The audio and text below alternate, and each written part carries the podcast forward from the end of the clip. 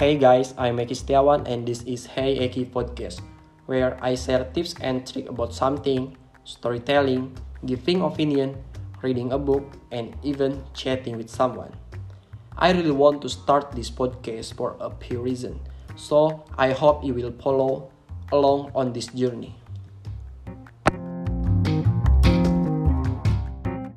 So, guys, in this chance, I will read a book with the title Atomic Habits by James Clear. This book is about to build a good habits and break a bad ones. And this book will reshape the way you think about progress and give you the tools and technique you need to transport your habit. Atomic Habits by James Clear. Introduction My story. On the final day of my sophomore years of high school, I was hit in the face with a baseball bat. As my classmate took a full swing, the bat slipped out of his hand and came flying towards me before striking me directly between the eyes. I have no memory of the moment of impact. The bat smashed into my face with such force that it crushed my nose into a distorted U shape. The collision sent the soft tissue of my brain slamming into the inside of my skull. Immediately, a wave of swelling started throughout my head. In a fraction of a second, I had a broken nose, multiple skull fractures, and two shattered eye sockets. When I opened my eyes, I saw people staring at me and running over to help.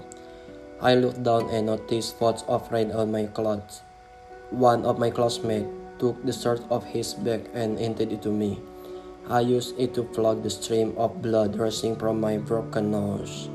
Shocked and confused, I was unaware of how seriously I had been injured. My teacher looped his arm around my shoulder and we began the long walk to the nurse office, across the field, down the hill, and back into school. Random hand touched my side, holding me upright. We took our time and walked slowly. Nobody realized that every minute mattered. When we arrived at the nurse office, she asked me a series of questions. What year is it? 1998, I answered. It was actually 2002. Who is the President of the United States? Bill Clinton. I said. The correct answer was George W. Bush. What is your mom's name? Uh, uh, I stalled. 10 seconds passed. Patty, I said casually. Ignoring the fact that it had taken me 10 seconds to remember my own mother's name. That is the last question I remember. My body was unable to handle the rapid swirling in my brain and I lost consciousness before the ambulance arrived. Minutes later, I was carried out of school and taken to the local hospital. Shortly after arriving, my body began shutting down. I struggled with basic function like swallowing and breathing. I had my first seizure of the day. Then I stopped breathing entirely. As the doctor hurried to supply me with oxygen. They also decided the local hospital was unequipped to handle the situation and ordered a helicopter to plane me to a larger hospital in Cincinnati. I was rolled out of the emergency room doors and towards the helipad across the street. The stretcher rattled on a bumpy sidewalk as one nurse pushed me along while another bumps each breathed into me by hand. My mother, who had arrived at the hospital a few moments before, climbed into the helicopter beside me.